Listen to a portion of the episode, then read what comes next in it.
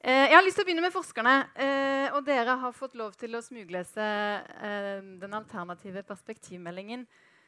Knut, får vi flere i jobb med dette? Og hva mangler, og hva ønsker du deg?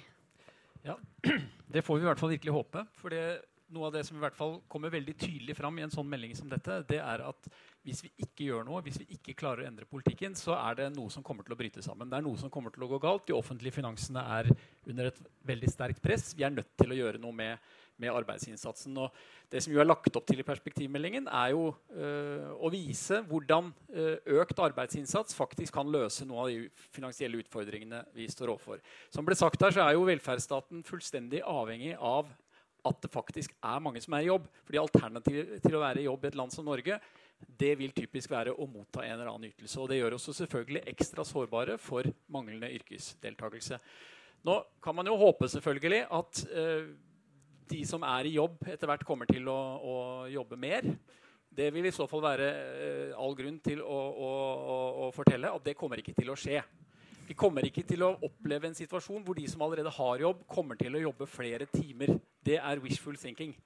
Vi har sett det historisk at økende velstand gjør at vi også ikke bare ønsker mer flatskjermer og vaskemaskiner og nye kjøkken. Vi ønsker også noe mer fritid. Sånn kommer det til å fortsette, og det kommer til å gjøre de utfordringene som vi står overfor, sannsynligvis enda større. Og Det betyr egentlig at det er to uh, måter vi kan øke det reelle uh, arbeidstilbudet i Norge på. Det ene er å få de som allerede jobber, til kanskje å jobbe en litt lengre del av livet sitt. Altså bli lenger i arbeidslivet. Uh, og det andre er å sørge for at det kommer flere mennesker inn i arbeidslivet. Og jeg skal si bitte lite grann om de to måtene vi kan håndtere eller forsøke å løse dette problemet på. Når det gjelder det å få folk til å stå lenger i arbeidslivet, så er jo det en åpenbar følge av at vi lever lenger. Eh, mye lengre tid som, eh, som potensielle pensjonister enn en det vi hadde før. Og det gjør at det er et ønske at vi skal stå lenger i arbeidslivet. Der har vi gjort en ganske radikal pensjonsreform som gjør det atskillig mer attraktivt for folk å bli i arbeidslivet enn det var før. Så jeg vil på en måte si at det der kan vi nesten huke av. Det har vi håndtert. Det har det norske samfunnet greid å håndtere på en ganske god måte gjennom pensjonsreformen. Det står igjen noe der på offentlig sektor, som også påpekes i dette, denne uh, alternative perspektivmeldingen. Og det står kanskje også noe igjen på å gjøre denne reformen mer fordelingspolitisk akseptabel ved å fordele den, uh, få inn noen av de hensynene som har ligget i tidligere pensjonsordninger for mer utsatte yrkesgrupper. Så er det det andre punktet, og det er akilleshælen i dette her, nemlig hvordan vi skal klare å få flere mennesker inn i arbeid enn det vi har klart, uh, enn det vi har klart til nå. Der har det vi ofte tenkt at det er liksom to hovedalternativer der ute. Det er den litt sånn laissez-faire liberalistiske varianten som går ut på at lønningene må falle. Sånn at folk som har uh, lav produktivitet, får lavere lønn, blir etterspurt. Det er liksom fattigdomsstrategien for å klare å løse dette problemet. Så har vi kompetansestrategien som gjennomsyrer vil jeg si, mye av det programmet, eller alternative programmet som legges fram nå, som går ut på at vi må løfte alles kompetanse til et så høyt nivå at de faktisk klarer å forsvare produktivitetskravene og lønnsnivået i det norske arbeidslivet. Og det er jo åpenbart at det framstår for gode sosialdemokrater som en atskillig mer attraktiv løsning enn enn den første. Men det jeg har lyst til å si i denne forbindelse, det er at jeg tror ingen av de strategiene fullt og helt kommer til å løse problemet. Jeg tror Det vi er nødt til å innse, det er at det er ganske mange mennesker som ikke vil bli løftet langt nok kompetansemessig til fullt ut å forsvare produktivitetskravene i dagens norske arbeidsmarked. Og Da har vi hatt inntektssikringsordninger i Norge som har tatt vare på det. Det var kanskje en god løsning så lenge det var eh, noen prosent av befolkningen som ble gående på varige inntektssikringsordninger. I dag så er det 15-20% av befolkningen i yrkesaktiv alder som går på varige inntektssikringsordninger. Det er ikke greit. Det er ikke en OK løsning. Og det som er viktig å huske på, det er at det er nettopp i den gruppen hvor vi sannsynligvis finner den største ubrukte arbeidskraftsreserven i Norge. Skal vi mobilisere arbeidskraftsressurser i Norge i tiden som kommer nå, ja, så kan vi ikke en gang til få kvinnene inn i arbeidsmarkedet. De er der allerede. Hvis vi skal se på hvem som står utenfor, og som, hvor det er et reelt potensial, så handler det om denne gruppen. Men skal vi klare det, så er vi nødt til å lage et arbeidsmarked som er reelt sett inkluderende. I den forstand at det faktisk har plass til mennesker som ikke nødvendigvis har 100% produktivitet hele tiden. Og det gjelder etter hvert ganske, uh, ganske mange av oss. Og det handler ikke bare om kompetanseløft. Det handler også om etterspørsel etter arbeidskraft, om tilpasning av jobber. Og jeg synes jo, som ble nevnt her av, Jonas i sin innledning, at dette, uh, dette, opplegget som Arbeiderpartiet nå foreslår for, for uh, unge mennesker, som står uten arbeid over lang tid, det er en veldig god start. Men for meg så er det en start. Det er en start på en ny type tenkning hvor jeg er opptatt av å, å sikre kombinasjoner av arbeid og trygd som gjør at vi ikke avspiser folk som sliter i arbeidslivet, bare med en passiv inntektssikring for resten av livet, men at velferdsstaten tar på en måte et nytt skritt og har som ambisjon å sørge for at faktisk alle skal kunne få delta i arbeidslivet på en eller annen måte. Og der ber jeg kanskje Arbeiderpartiet tenke litt igjen. Vi har jo hatt dette slagordet 'arbeid til alle' i, i, i, i veldig mange år. Hele folket i arbeid tidligere. Hva mener vi egentlig med dette begrepet 'alle'? Hvem er disse alle? Nå, nå, nå klinger det selvfølgelig mye bedre å, å, si 'arbeid til alle' enn å si 'arbeid til mange'. Uh, så det, det, er mye flottere slagord. Men jeg tror vi skal tenke litt gjennom hva vi egentlig mener med det. Altså, Hvor legger vi ambisjonen? Hva mener vi med at vi skal faktisk sikre arbeid til alle? Jobbmuligheter til, til alle. Og Der tror jeg tiden er inne for å, å, løfte ambisjonen, både fordi det vil gi mye høyere livskvalitet til de menneskene det dreier seg om, men fordi det også er, er der arbeidskraftsreserven for framtida faktisk fins. Og hvor det er mulig å utløse det potensialet som kan sørge for at vi får balanse i, i velferdsstaten også i framtida. Anna, eh, er det nok det du har hørt her, for å utstyre folk med den kompetansen vi trenger i kompetansesporet? Og hva er det viktigste vi må gjøre? Ja, altså nei, nå har jeg jo lest, og jeg, det er jo ikke vanskelig å være enig i analysen og, og situasjonsbeskrivelsene. Men når det kommer til tiltakene, så syns jeg at det, på en måte, det mangler det litt. Og det mangler også litt i eh, denne kompetansereformen, så jeg tenkte jeg på en måte skulle komme med noen forslag der. Da. Eh, for det du spør om Hvilken kompetanse er det vi vil trenge framover? Og det er klart det er jo ikke mulig å gi noe enkelt svar på det. Så det, eh, det er ny teknologi, robotisering og digitalisering. Det kommer til å endre arbeidslivet, og de aller fleste yrker vil bli berørt. Men vi kommer likevel til å jobbe med mye av det samme som vi gjør i dag. Og det, Espen Lynge fra NHO han snakket godt om det ved utdelingen av nye fag- og svennebrev på Oslo rådhus i forrige uke. Eh, da sa han vi kommer til å fortsette å bygge og vedlikeholde hus og veier. Vi kommer til å produsere og foredle mat. Vi skal spise på kafeer og restauranter. Vi skal produsere energi. Vi skal reparere biler og klippe hår. Og vi skal ta vare på barn, ungdom og eldre. Eh, og enten vi ser på SSBs framskrivninger eller på NHOs kompetansebarometer, så det, tyder alt på at det vil være et stort behov for fagarbeidere i norsk arbeidsliv framover.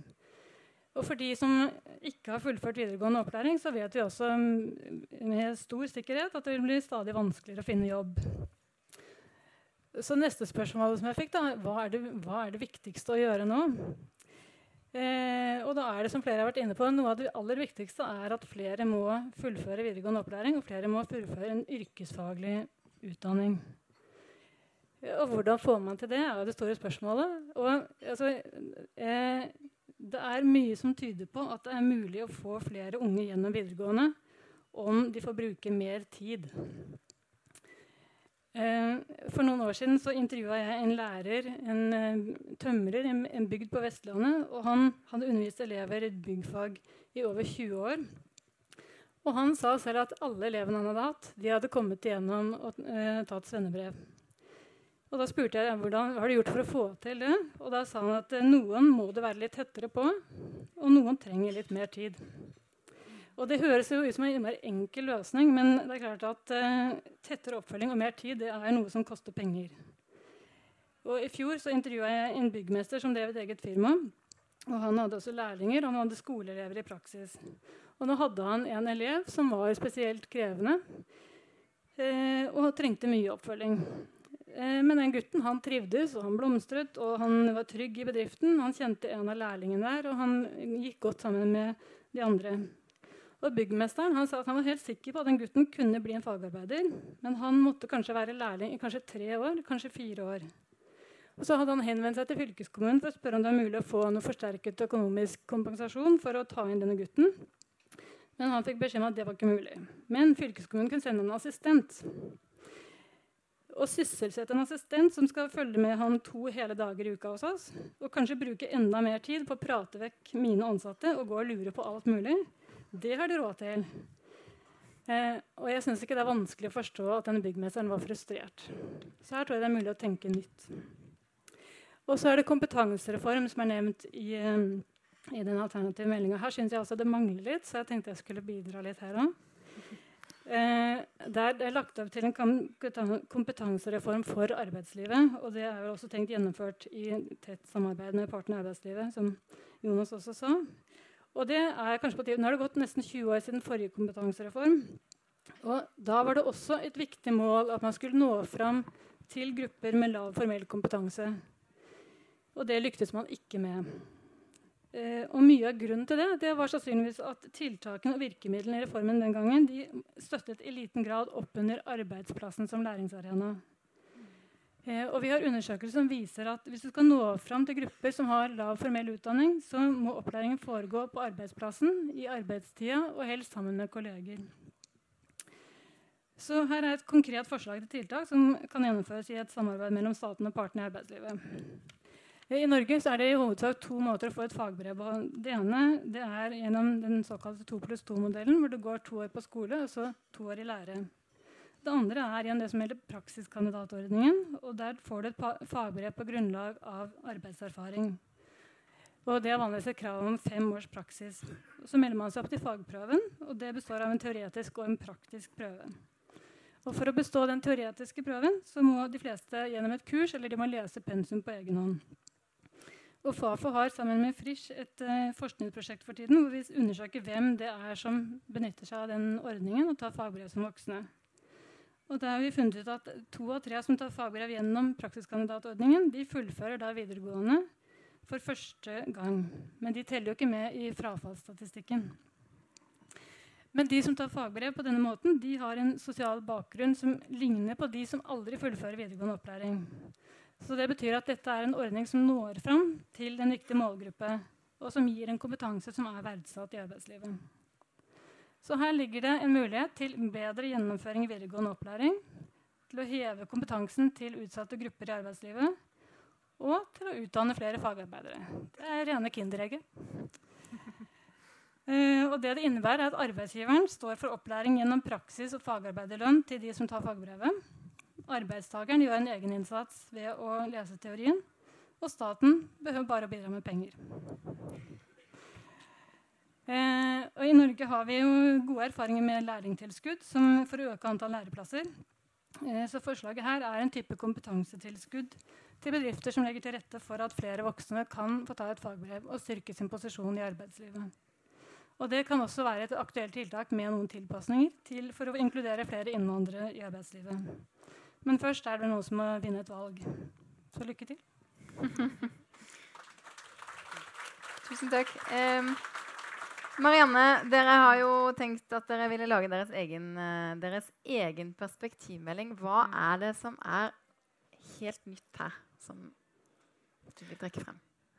Knut setter vel egentlig best ord på det når han sier at uh, her ser man kimen til en helt ny tankegang rundt arbeidslivspolitikken vår. Um, det dere vil finne i det dokumentet, er en mye tettere kobling mellom arbeidsmarkedspolitikken og kompetansepolitikken enn det vi har pleid å ha. Og Det høres kanskje veldig selvsagt ut for folk at, uh, at det er to politikkområder som bør snakke godt sammen. Uh, men dette er sfærer som liksom har levd veldig sitt, uh, sitt eget liv. og dette er det nødvendig å gjøre noe helt fundamentalt med. Vi har en arbeidslivsmodell i dette landet som er bygd opp rundt tanken om Eh, kompetente, høyproduktive arbeidstakere, godt utdanna arbeidstakere. Og en veldig komprimert eh, lønnsstruktur, men med et høyt gulv. Eh, og det vi, det vi, ser nå, i, i, større og større grad, vil jeg si, det er at, at, store grupper har problemer med å kvalifisere seg til å kunne matche det gulvet. Altså, de er rett og slett ikke produktive nok, har ikke kvalifikasjoner nok til å kunne delta på de premissene som vårt arbeidsliv legger til grunn. Eh, og da er det jo riktig som Knut sier, at da kan vi, eh, kan vi velge å gå dette lavtlønnssporet, som vi ser at mange land i Europa nå gjør. Men vi mener at det ikke er riktig vei å gå for Norge. Og da er vi nødt til å ha en arbeidsmarkedspolitikk som faktisk kvalifiserer folk. Og det er ikke så selvsagt. Vi har, sant, vi har vært redde for eh, å føre en politikk som, som, skaper feil motivasjon hos ungdommene våre, f.eks. At, eh, at det, å, eh, eh, det, å, åpne opp for si at man får lov til å fullføre videregående mens man går på en eller annen Nav-stønad, at det skal gjøre at ungdom begynner å planlegge for et eller annet løp hvor de dropper ut av videregående nærmest med vilje. Fordi at man da kan komme tilbake høsten etter på Nav-stønad og få lov til å, til å fullføre allikevel. Altså, den type tankegang er vi nødt til å komme oss bort fra. For det er for mange som nå står veldig langt utafor det, eh, det, å kunne delta eh, i vårt, eh, vårt, arbeidsliv. Og noe av det som, som vi virkelig har vridd hodene våre rundt og prøvd å finne svar på her, det er hvordan lager vi den døra som sørger for at folk som ikke er syke, altså som ikke skal til, til, til Nav for å få en, en, stønad fordi de er syke, men som allikevel har et bistandsbehov, som har behov for hjelp til å kunne kvalifisere seg, hvordan finner vi døra som de skal gå gjennom? For den eksisterer nesten ikke i dag. Den er i hvert fall altfor smal. Eh, og da, eh, da, kom jo dette aktivitetsreformforslaget eh, opp. Eh, som Jonas så vidt var inne på her i sin, eh, i sin presentasjon før, eh, før, panelet kom opp. Men det er en ganske radikal tanke. Også. Altså. For det vi sier der, er jo at unge folk som nå går på arbeidsavklaringspenger, ofte sluses inn eh, i en diagnose for å kunne få inntektssikring, altså få uføretrygd, for det er der de ofte, ofte havner. Eh, at de skal ha rask avklaring. Og så skal de møtes med tilbud om aktivitet. Vi er jo opptatt av at dette skal skje i samarbeid med partene. Og at næringslivet også skal bidra her og mobilisere og være med på å ta det løftet. Og det oppfatter vi at, eh, at eh, arbeidsgiversida er. Men, men, vi sier jo også at i siste instans, hvis ingenting annet funker, så skal kommunen stille. Og det er sant, en sånn allemann til, til, kommunene. Nå skal alle de som ikke er produktive nok for øvrig, jobbe i kommunen. Det er en, eh, en kontroversiell tanke. Men alternativet er at dette er folk som blir gående på passive stønader, gjerne gjennom et langt liv, eh, og som sykeliggjøres gjennom systemet. For du kan se for deg hvis du er eh, litt umotivert, eh, det er ofte en del eh, litt sånn diffuse psykiske plager inne i bildet eh, dropper ut av videregående, kanskje også motivert av at du ikke tror at du får noen lærlingplass, for den lærlingplassen ikke. Um, og så sluses du inn i et system hvor du da kanskje blir gående i fire år på arbeidsavklaringspenger uten at noen ting egentlig skjer. Da vil den arbeidsevnen de i utgangspunktet hadde, fort ha blitt eh, ødelagt eh, gjennom det løpet. Dette må vi få en stopp på. Og Vi sier ikke at dette kommer til å fungere perfekt, eller at de sitter med alle svar etter å ha gjort et sånt, uh, sånt arbeid som, som, programmet vårt og, og, alternativ perspektivmelding, men vi sier at vi må prøve noe nytt. Vi er nødt til å la noen prinsipper eh, falle eh, og, og, få opp nye tiltak. Og så er jo kompetansereformen også et vesentlig punkt for oss. Eh, og Der syns jeg Anna er inne på noen, på noen, ganske viktige ting. Den er jo ikke ferdig konkretisert og skal også utarbeides sammen med partene. Men det må ikke bli en sånn eh, allemann på kurs-reform.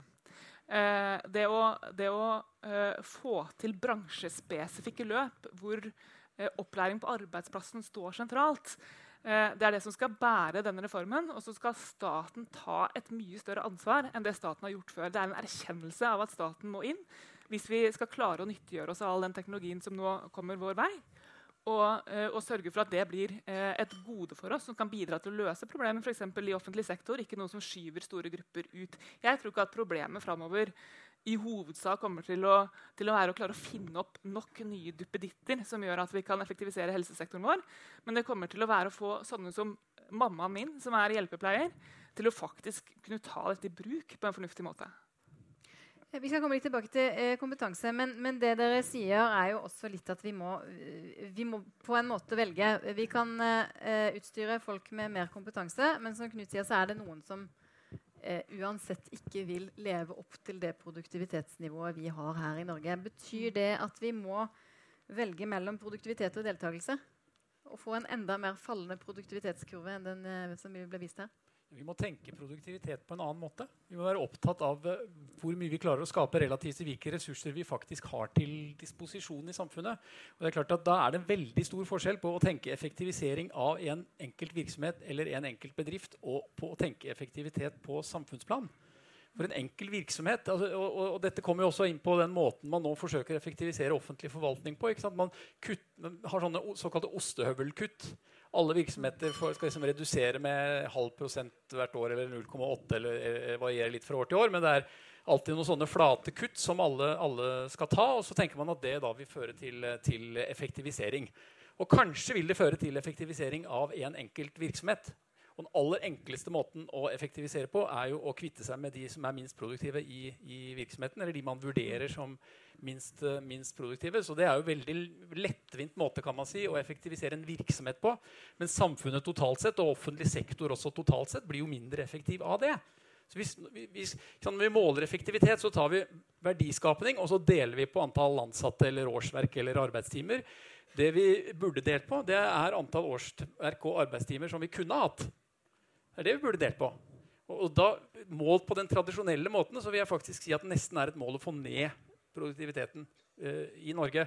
Fordi vi gjennom det faktisk kan få inn ressurser som kanskje hver for seg er mindre effektive, men som likevel vil få produktiviteten samlet sett opp. Litt satt på spissen så kan man si at den etatslederen som får dette ostehøvelkuttet år etter år Ansatte har jo oppsigelsesvern, så det er ikke så lett å si opp engang. Så det som ofte kan være løsningen, er jo at noen kanskje blir langtidssykemeldt. Det kan bli redningen. Litt, nå setter jeg det litt på spissen, men, men, det kan faktisk bli redningen for mange offentlige budsjetter. at man har en viss, Og det budsjetteres med det òg. Vi må ha en viss andel langtidssykemeldte hvor kostnadene veltes over på folketrygden.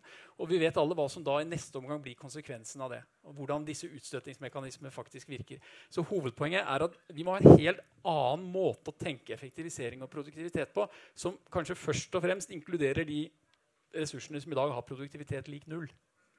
Hvis Marianne, hvis du blir finansminister, så må du få ned eh, produktiviteten. Sier, eh. Jeg har lyst til å eh, følge opp eh, disse kommunene som skal ansette i siste instans. Eh, det eh, vil jo få flere inn, men hvor skal de pengene komme fra? Og hvilke jobber er det vi snakker om? Hva skal de gjøre? Altså, dette har vi jo erfaring med eh, fra tidligere. Eh, på 90-tallet så, så, begynte ungdomsledigheten å bli faretruende høy. og Man var redde for at disse ungdommene skulle bli gående varig utafor arbeidslivet. For man ser jo at, eh, at, eh, når man får en dårlig start på sin yrkeskarriere, så har man en ten tendens til å bli stående utafor, selv når konjunkturene snur og og, og, verden ser lysere ut, og arbeidsplassene eh, kommer. Så da fikk man disse Kaja-midlene. Eh, det er ikke sikkert at det er mange som husker, husker, dem godt. Jeg kan ikke skryte på meg å huske de så godt uh, sjøl, for jeg tror jeg gikk på barneskolen på den tida. Men, men det, var jo, det, var jo, midler som kommunene fikk for å kunne ta et større ansvar for å sysselsette ungdom. Eh, og det kan være alle typer jobber. Det. Eh, det kommer til å være stort behov eh, for mer arbeidskraft i pleie og omsorg. For eksempel. og da snakker vi ikke om at de skal inn og erstatte de faglærte i pleie og omsorg. Eh, men, eh, men, det å kunne, eh, kunne, bidra med ting som å ta med pleiepasienter ut på tur, bidra til måltider Eh, kunne, kunne eh, frigjøre tid for, eh, for, faglærte, sånn at de kan eh, konsentrere seg om sine oppgaver, kan jo være én ting som, som er fornuftige arbeidsoppgaver. Men dette må jo kommunene i stor grad få lov til å definere litt sjøl også. Vi, vi, hadde ganske omfattende runder internt hos oss før vi bestemte oss for å gå for dette forslaget. Hvor vi bl.a. diskuterte det med våre ordførere. Lar dette seg gjøre? Eh, og svaret på det var etter hvert eh, ja. Men, men, det er klart at kommunen kan ikke sitte igjen med hele kostnaden for å gjøre det. Da kommer det ikke til å skje. Så vi peker på lønnstilskudd og gradert uføretrygd, altså en kombinasjon her, eh, dersom det er behov for å bruke uføretrygd til en viss grad, som, eh, som en modell for å få dette finansiert. Mm. Eh, dere var innom, og dette, Jeg vil gå litt til alle eh, de som ikke passer inn. som ikke, Lærlingen som, ikke, som kan få en assistent, men ikke kan få bruke mer tid. Disse havner på uføretrygd og blir syke på en eller annen måte. Er det relevant lenger å skille mellom utenfor og ufør? Mellom syk og mindre produktiv? Knut? Ja, nei, altså, vi har jo en tendens altså Den eneste måten å få varig hjelp på i Norge, er jo å bli erklært syk. Helst veldig syk. Minst 50% nedsatt uførhet er liksom inngangsbilletten til varig hjelp fra, fra, samfunnet. Og allerede der ligger jo noe av kjernen i problemet. ikke sant? Mm. Denne medikaliseringstenkningen. At vi, vi må på en måte vi, vi, oppretter et slags skille mellom de friske og de syke. Og det er jo egentlig et fullstendig oppkonstruert skille. Altså, det, det, er jo ikke sånn at man er enten helt syk eller frisk. Så her fins jo alle mulige, mulige, grader. Og det er heller på ingen måte gitt at det er noe sammenheng mellom det at man er syk, og om man har anledning til å jobbe eller ikke. Det er også et litt sånn oppkonstruert eh, mekanisk sammenheng der. Så det er kanskje det vi først og fremst må bort fra. Altså denne medikaliseringstankegangen. Men erkjenne at det er store variasjoner i produktivitet både mellom mennesker, men kanskje aller mest over livsløpet. Altså hvor Man kan ha perioder hvor ting er vanskelig, og hvor man ikke klarer å yte fullt. Og mange i dag faller ut i disse periodene. Og da er det bare enveisbillett. Det er ikke, noe, det er ikke i, i, realiteten noe særlig vei tilbake igjen i dag. Og det er klart at Dette er ganske kostbart for samfunnet å, å, å skille ut mennesker på denne måten. Så det vi trenger, er hva skal vi si, mer fleksible kombinasjonsløsninger. Og jeg husker, også, jeg husker også Kaja veldig godt, disse der arbeidsmarkedstiltakene som kom. om Det var mye bra i det, men, men det er én måte å tenke på som vi må bort fra. og det som preget litt situasjonen den gangen. og det var det at Vi var veldig opptatt av at alle som skulle komme inn og, og, og, og få hjelp på denne måten, de skulle, de skulle, gjøre jobber som ellers ikke ville vært gjort, ble det sagt. Mm. Altså, e, Egentlig litt sånn tullejobber. Mm. Så noe som det kanskje egentlig ikke var ordentlig bruk for. Den tankegangen må vi bort fra. for dette er ikke noe spesielt med den. Og det, det, er også viktig å huske på at det er masse faglærte folk i den gruppen vi snakker om her. Mm. Altså, det er jo ikke sånn at Vi snakker om noen sånn stakkarslige folk som er i, i rennesteinen hvor alle har store rusproblemer osv. Altså, vi snakker om 15-20% av befolkningen. Mange har høy kompetanse, fagutdanning, men har gått på en smell i en eller annen forstand som gjør at man ikke klarer å matche det produktivitetsnivået. Så det, det er masse verdifull arbeidskraft i denne gruppen her, som, som, vi må nyttiggjøre oss gjennom mer fleksible ordninger som, som, gjør det mulig å kombinere trygd og arbeid på en sånn måte at kravene blir redusert. Ikke nødvendigvis arbeidstiden, men kravene blir redusert. Marianne? Det, det Knut sier nå, er veldig viktig. Um, for, for, det er klart at denne type stillinger, eh, eller det vi gjør på arbeidsmarkedstiltakssida, må jo være ting som er fylt med et reelt innhold og faktisk virker kvalifiserende. Og der er vi ikke helt, uh, helt uh, i mål i dag. Og så er det veldig mye diskusjon om sånn, uh, stille krav, ungdommene må stå opp om morgenen og sånn. Og jeg er for å stille krav der hvor det er rimelig å gjøre. men det må også være krav i systemet til at disse ungdommene møtes med noe fornuftig å drive med. Hvis ikke så gir det ikke mening. Jeg har lyst til å gå litt videre. for den inndelingen du, du, begynte med, Knut, at Det ene er jo at vi skal få eh, flest mulig inn i arbeidslivet, men så skal vi også holde på de som er der. Eh, og Det snakkes mye om nye kompetansebehov og, og mammaen til Marianne som skal eh, omstille seg til å gjøre ting på en helt annen måte. Noen sier vi skal bruke 20 av arbeidstiden på å lære nye ting. Eh, og så skal vi bytte jobb oftere. Noen skal frilanse. Hvem er det som skal betale for denne nye kompetansen? og Hvordan skal vi få til det, Anna? Ja, det er jo det spørsmålet som eh, det ofte strander litt på. Men eh, det er jo nærliggende å se for seg et spleiselag her eh, igjen. Når man snakker om en kompetansereform, så det vel, eh, ligger det vel i kortene at eh, her Hvis man spesielt skal ha eh, Jeg ikke akkurat hvordan ordlyden i meldingen her er, men det skal være bedriftsnære Man skal ta i bruk arbeidsplassen som læringsarena. Det er klart at da har du en forventning om at bedrifter skal stille arbeidsplassen til disposisjon som en læringsarena. Og da er det rimelig å anta at det vil forvente en kompensasjon for det. Eh, men eh, en eller annen form for, eh, for spleiselag for å få til en kompetansereform, det er vel eh, rimelig, rimelig å forvente. Marianne?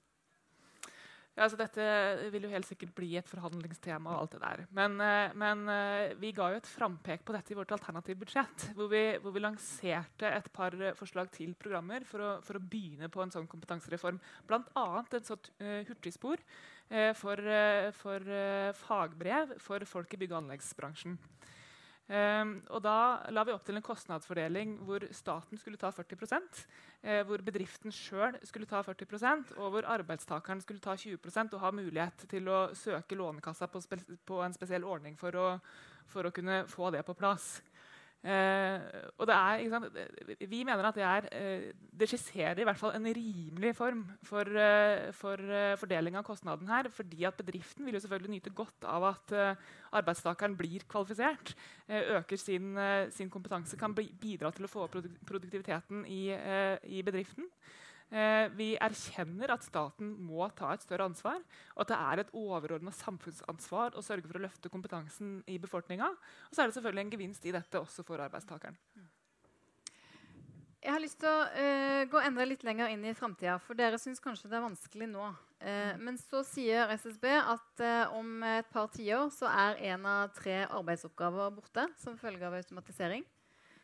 Og vi ser at avkastningen på arbeid sammenlignet med avkastningen på kapital og utstyr synker relativt sett. Blir det og dette går til alle, blir det jobber til alle, og blir det lønn til de som jobber om 30-40-50 år i 2060? Knut? Nei, dette er jo på en måte et litt, um, litt uh, paradoks, kanskje. da, At vi har disse to debattene gående samtidig. Altså På den ene siden er vi veldig bekymret for kommer vi til å jobbe nok. Får vi mobilisert nok arbeidskraftsressurser? Og på den andre siden så er vi veldig bekymret for blir det egentlig jobber til folk. Og det er litt vanskelig å skjønne at vi kan ha begge de diskusjonene gående samtidig. Uh, men det har vi, i, i, noen grad i hvert fall.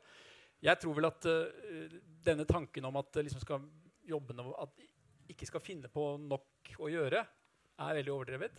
Uh, det er helt opplagt at veldig mange, jobber kommer til å, eller mange typer jobber kommer til å forsvinne pga. mekanisering, modernisering, robotisering osv. Men det er ikke noe nytt fenomen. Altså, hvis man ser bakover i tid, så har det vært enorme omstillinger. I dataene foreløpig så er det ikke lett å se noe tegn på at omstillingen er så spesielt mye større enn før. Altså, dette er uh, dette er velkjente fenomener. De har vært der før. Og det som viser seg hele tiden er jo at Når man får produktivitetsutvikling, når det kommer maskiner som gjør at vi kan gjøre ting mer effektivt, skape større verdier, ja, så vil jo disse verdiene havne et eller annet sted hos noen som ønsker å etterspørre et eller annet med dem. Og det er ikke alltid lett å si på forhånd hva akkurat det kommer til å bli. Men den menneskelige kreativiteten har i hvert fall så langt vist seg å være så stor at det oppstår ny etterspørsel. Det oppstår nye markeder, nye ideer, nye ting som må gjøres. Så jeg er ikke veldig veldig bekymret for det, men det er klart at, at det, er et, det er annerledes, og vi må ha en annen kanskje evne til å gjøre nye ting, omstille oss til nye oppgaver enn det vi har hatt før. Men jobbene tror jeg kommer til å, å, å, å være der. Dere andre skal få kommentere. Jeg har lyst etterpå eh, å åpne for et par spørsmål fra salen. Hvis noen har lyst til å stille spørsmål, så kan dere stille dere opp i en liten kø ved den mikrofonen der. Eh, så skal dere få lov å spørre panelet etterpå. Eh, Anna, hadde du en kommentar til det samme? Eh, nei, jeg syns det der er eh, Det er jo veldig veldig vanskelig å si om det blir færre eller flere jobber. Men det er klart at jobbene blir annerledes. Og jeg syns det er på en måte lettest å, å bruke konkrete eksempler igjen. Da, som eh, da Kleven verft eh, investerte i sveiseroboter, så flytta de produksjonen tilbake fra, fra, Polen til Norge. Så det ble flere, flere jobber. Eh, og da altså hva slags eh, hva slags kompetanse skal man ha for å, for å drifte robotene. Det er jo sånn det er jo ikke teknologien som bestemmer, det er beslutninger. Det handler om valg, hva, man, hva, man velger, hva slags kompetanse man velger å bruke og bygge opp.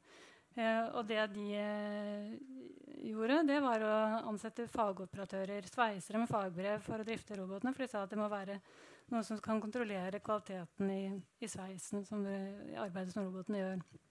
Men som på sikt så Eh, så ønsker de seg folk som har et fagbrev, og så bygger videre med høyere utdanning. Så det, er, det er bare et eksempel på at eh, innføring av ny teknologi kan både skape jo, flere jobber og, og, andre slags jobber med nye kompetansekrav. Men eh, sånn generelt så er det jo umulig å svare på hvordan dette vil virke. Synes jeg. Men det vil fordele ressursene annerledes, Marianne? Ja, det vil det. Og det er kanskje det som bekymrer meg mest. Eh, jeg, tør, ikke å sitte her og spå nå hvordan nettoeffekten av robotiseringen kommer til å ende opp til slutt. Og historien har jo vist at Når du har hatt store teknologiske skift, så har det endt opp med å skape flere jobber, ikke færre. Selv om eh, man ofte har frykta, frykta det motsatte. Eh, så gjør det i og for seg inntrykk når f.eks. ILO-direktøren nå sier at han er ikke sikker på om, om, nettoeffekten denne gangen blir, blir positiv. Eh, men det kommer jo alltid til å være eh, nok å gjøre i våre samfunn. Altså Vi klarer å finne på nok arbeidsoppgaver.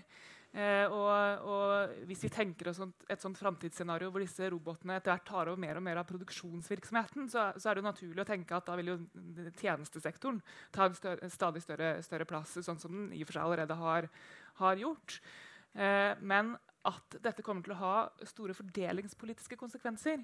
Eh, og at det vil påvirke i hvor stor grad folk er i stand til å etterspørre disse tjenestene. Det er det ingen tvil om. Nå har vi hatt diskusjon om sånn winner takes it all-økonomi gående i, i, noen år. Eh, og, eh, og, det er klart at hvis, hvis eierskapet til teknologien eh, som får lov til å dominere, eh, monopoliseres, så har vi et stort, stort problem. Eh, og, uh, og, det er tendenser vi allerede begynner å se ganske sterkt. Han som leda Obamas økonomiske råd, kaller dette for rock and roll-industri. Altså At man ser de samme tendensene i industrien som det man har sett i, i, i musikkbransjen. At det er jo ingen som gidder å sitte og høre på liksom middels metal-band metal hvis du kan høre på Metallica. på en måte. Eh, og det er heller ingen som kjøper nest dårligste teknologi. så noen, noen vinner alt. Eh, og, så, eh, og, så, havner middelklassen under et veldig press. Sånn at det å klare å fordele gevinsten av det teknologiskiftet som vi står oppe i nå, og sørge for at eh, etterspørselen holder seg oppe, og at det er omløp i økonomien eh, og arbeid til alle, det blir en kjempeutfordring. Og jeg sitter ikke med alle svarene på det nå. Men der er jeg i godt selskap med hele resten av planeten, tror jeg. Var det et spørsmål? Si hvem du er, og et kort spørsmål, ikke innlegg. Mitt navn er Kjell Syverud. Jeg har bakgrunn eh, å jobbe i informasjonsteknologiindustrien. Og spørsmålet mitt er kanskje litt mer kortsiktig, da. Men det, vi snakker hele tiden om kompetanseheving. Men hva med å beholde eh, de jobbene vi har? Eh, og vi ser, altså, Jeg kan nevne to outsourcingseksempler. Det ene er da den eh, Helse Sør-Øst som outsourcet sitt arbeid. Eh, hvorvidt det er lønnsomt, kan vi godt diskutere, men poenget er at man går der i en sånn markedsliberalistisk retning og, og, og, setter ut det der hvor det er billigst å få det. Det neste, som kanskje er enda verre, er nødnettet, hvor de får et norsk firma som outsourcer stor av jobben til et utenlandsk firma. Jeg har selv jobbet i et firma hvor det var krav om sikkerhetsklarering. Og du kan ikke lage sikkerhetsklarering av folk i India og, og, og i Romania. Så, så, så, det er altså en juks her. Og da blir spørsmålet følgende Hva med lar vi oss lokke av denne markedsliberalistiske, kortsiktige tenkningen til å ikke ta vare på de arbeidsplassene vi har. Hvem vil spørre om outsourcing? Marianne? Ja. ja. Okay. Um, ja, dette er jo et stort og komplisert tema. Uh, og, og, det er klart at det, det, at vi etter hvert har fått en arbeidsdeling som gjør at uh, en del ganske lavproduktiv arbeidskraft har forsvunnet ut uh, av Norge, mens vi bedriver mer høyproduktiv virksomhet her, er jo veldig mye av grunnlaget for vår velferd. sånn at det å si at, at vi skal, vi skal lokke alle arbeidsplasser inne, det blir, det blir gærent, sånn som jeg ser det. Eh, men det er et stort, stort potensial for å bruke eh, staten, det offentlige, mye mer offensivt for, som, som, en partner også for privat næringsliv. Eh, for å kunne beholde teknologitunge miljøer i Norge. Eh, stimulere eh, til nye teknologiske løsninger, bruke anbudspolitikken vår aktivt. I og for seg også, eh, også bruke krav til kompetanse, krav til sikkerhet eh, som en måte å sørge for at vi, at vi, bygger kompetente miljøer her som ikke bare forsvinner ut døra i det øyeblikket det, det begynner å bli litt størrelse på dem. Jeg tror jeg tar et spørsmål til der, ja, så kan heller dere to få svare på det. Ja, mitt navn er Even. Jeg føler meg hjemme her, ja, altså fordi jeg jobber med fag- og yrkesopplæring i Akershus fylkeskommune. Så jeg har kommet på rett plass og har, sitter i styret i Nannestad Arbeiderparti. Da. Jeg må si det. Ja. Ja, nei, Det skal jeg egentlig spørre om, da, jeg jobber på noe som heter Veiledningssenter på Romerike. ikke sant? Og det vi har funnet ut, at vi samarbeider veldig godt med Nav. Det, det, vi samarbeider bedre og bedre med Nav. Det, årsaken til det, det er at uh, mange bedrifter de gruer seg til å ansette ungdom som de er litt usikre på, for lærlinger har ikke prøvetid. Mm. Og det som er da, da samarbeider med Nav, så får til en praksisplass f.eks. praksisplass på tre, må tre måneder. da, og så Hvis du da etter praksisperioden kan få da en læreplass, så kan du få trukket ifra de tre månedene som yrkespraksis. ikke sant? Så Det er sånn vi jobber litt mer og mer nå. da. Så Det er veldig vanskelig å være kort her, da, for jeg har veldig mange spørsmål. Du må prøve likevel. Hæ? Du må prøve likevel. Ja, eh, Og så et til Anna. Eh, når det gjaldt den eh, eksempelet du hadde, da var det litt dårlig viten rundt omkring. For det er Nav har noe som heter mentorpenger, og Utdanningsdirektoratet har eh, noe som heter personellressursmidler som kan søke på bedriftene når de har uh, ungdom som uh, trenger litt ekstra hjelp. Så er, hvis man vet regelverket, så er det mange muligheter på det. Da. Men ja, det var vel det foreløpig, i hvert fall. Yes, takk. Takk. Eh, jeg tror vi må gå videre til eh, eh en litt eh, avsluttende runde. Jeg har lyst til å, gi dere eh, et lite eller et langt minutt hver. Eh, hva er det vi må fortsette med, og hva må vi endre på? skal vi løse disse utfordringene? Anna kan få begynne. hva vi må fortsette med, og hva vi må endre på? Nei, kan, jeg få, kan du begynne, eller? Knut er klar, han. Han kan begynne.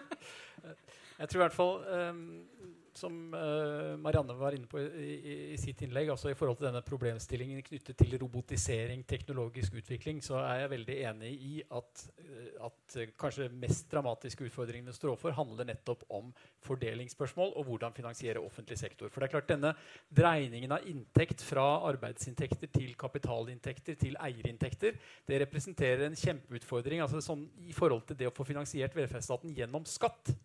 Så altså, Utfordringen ligger egentlig å designe et skattesystem som sørger for at vi får inn disse inntektene på en fornuftig måte, sånn at vi også kan bære uh, framtidas velferdsskatt. Det er den ene utfordringen som ligger i dette her.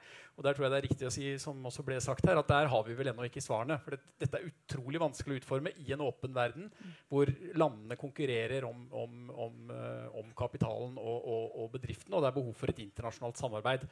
Kanskje et av de områdene hvor du virkelig aller tydeligst at det er behov for et internasjonalt samarbeid for å løse dette på en ordentlig måte. Og dette er også nødvendig for å hindre at pengene samles opp hos folk som ikke har noe å bruke dem til. Det er det som har vært noe av kanskje den makroøkonomiske utfordringen de, nå i, i, i, finanskrisen og i kjølvannet av finanskrisen. At, at, pengene samler seg opp hos folk som rett og slett har så mye penger at de har ikke noe å, å, å bruke dem på. Og da faller samlet etterspørsel. Og det illustrerer på en måte at det, det, det, er, det er på en måte ikke det hjelper på en måte ikke å bli, uh, bli, å, å, si, å bli, rik hvis ikke det finnes å, å, ha store virksomheter og bedrifter, hvis det ikke finnes noen middelklasse du kan selge varene dine til. Så Dette blir et problem for alle. At vi har disse, disse fordelingsproblemene knyttet til dette. Og Løsningen må da ligge rett og slett i et bedre utformet skattesystem. Og det tror jeg kanskje blir noe av det vanskeligste framover. Uh, å faktisk få til det på en, uh, på en god måte. Så det vil du endre på? Ja, det vil jeg, men jeg vet ikke akkurat hvordan jeg vil endre på det. Når det gjelder dette med hvordan vi skal få folk, uh, hele folket i arbeid, så har jeg jo løst dette, da. Så der, der, er det i orden. Hvis dere bare vil høre. Når det gjelder disse skattetingene, så, så, så er det litt mer komplisert. Marianne? Ja, nå har vi langt på vei hørt på Knut da, faktisk, når vi har, uh, har utforma uh, den nye, nye aktivitetspolitikken vår. Altså hva vi, hva vi, skal fortsette med. Veldig mye. Altså Vi har jo et fryktelig godt utgangspunkt som land. Vi skal fortsette å bygge ut disse sterke universelle velferdsordningene våre. Vi skal uh, fortsette å ha en effektiv uh, offentlig sektor som vi, som vi, stadig omstiller, og som vi stadig gjør bedre. Uh, og så skal vi forsterke trepartssamarbeidet, disse representative partene, de sterke institusjonene vi har, for at nøkkelen til å kunne løse alle de problemene vi nå har beskrevet, og kunne gjennomføre alle de løsningene vi har diskutert, ligger faktisk i at disse institusjonene eh, virker. Så er det en del ting som vi må eh, endre på. Jeg skal ikke komme med noen uttømmende liste eh, her, for da, da, blir vi sittende en stund. Eh, men vi trenger et taktskifte i kompetansepolitikken og denne koblinga til arbeidsmarkedspolitikken som vi nå har brukt ganske lang tid på å snakke om så mener jeg at vi trenger en næringspolitikk som tør å prioritere, som tør å løfte de områdene hvor Norge faktisk har fortrinn eh, og muligheter eh, til å ta en sterkere posisjon. Og så trenger vi en mer aktiv fordelingspolitikk. At vi trenger et, et, skifte og en regjering som gjør at vi eh, bruker politikken til å bekjempe forskjeller istedenfor å forsterke dem. Anna? Ja, nei, fortsatt er helt enig med Marianne det at vi må fortsette med trepartssamarbeidet. er en viktig forutsetning for å få til denne kompetansereformen og andre former, reformer. Så eh, det må fortsette med. Og det man må endre på, er altså nettopp eh, ja, det eksempelet som kom her med Det finnes virkemidler, det finnes regelverk, det finnes muligheter for eh, å koble Nav sine midler inn på, på utdanningssiden og sånn. Jeg tror her er det det er nok flere som ikke kjenner det regelverket godt nok. Her må det bli bedre informasjon og også bedre samordning. At man ser virkemidlene i sammenheng. Det er jo ikke noe nytt å si det, men det er lov å si det en gang til.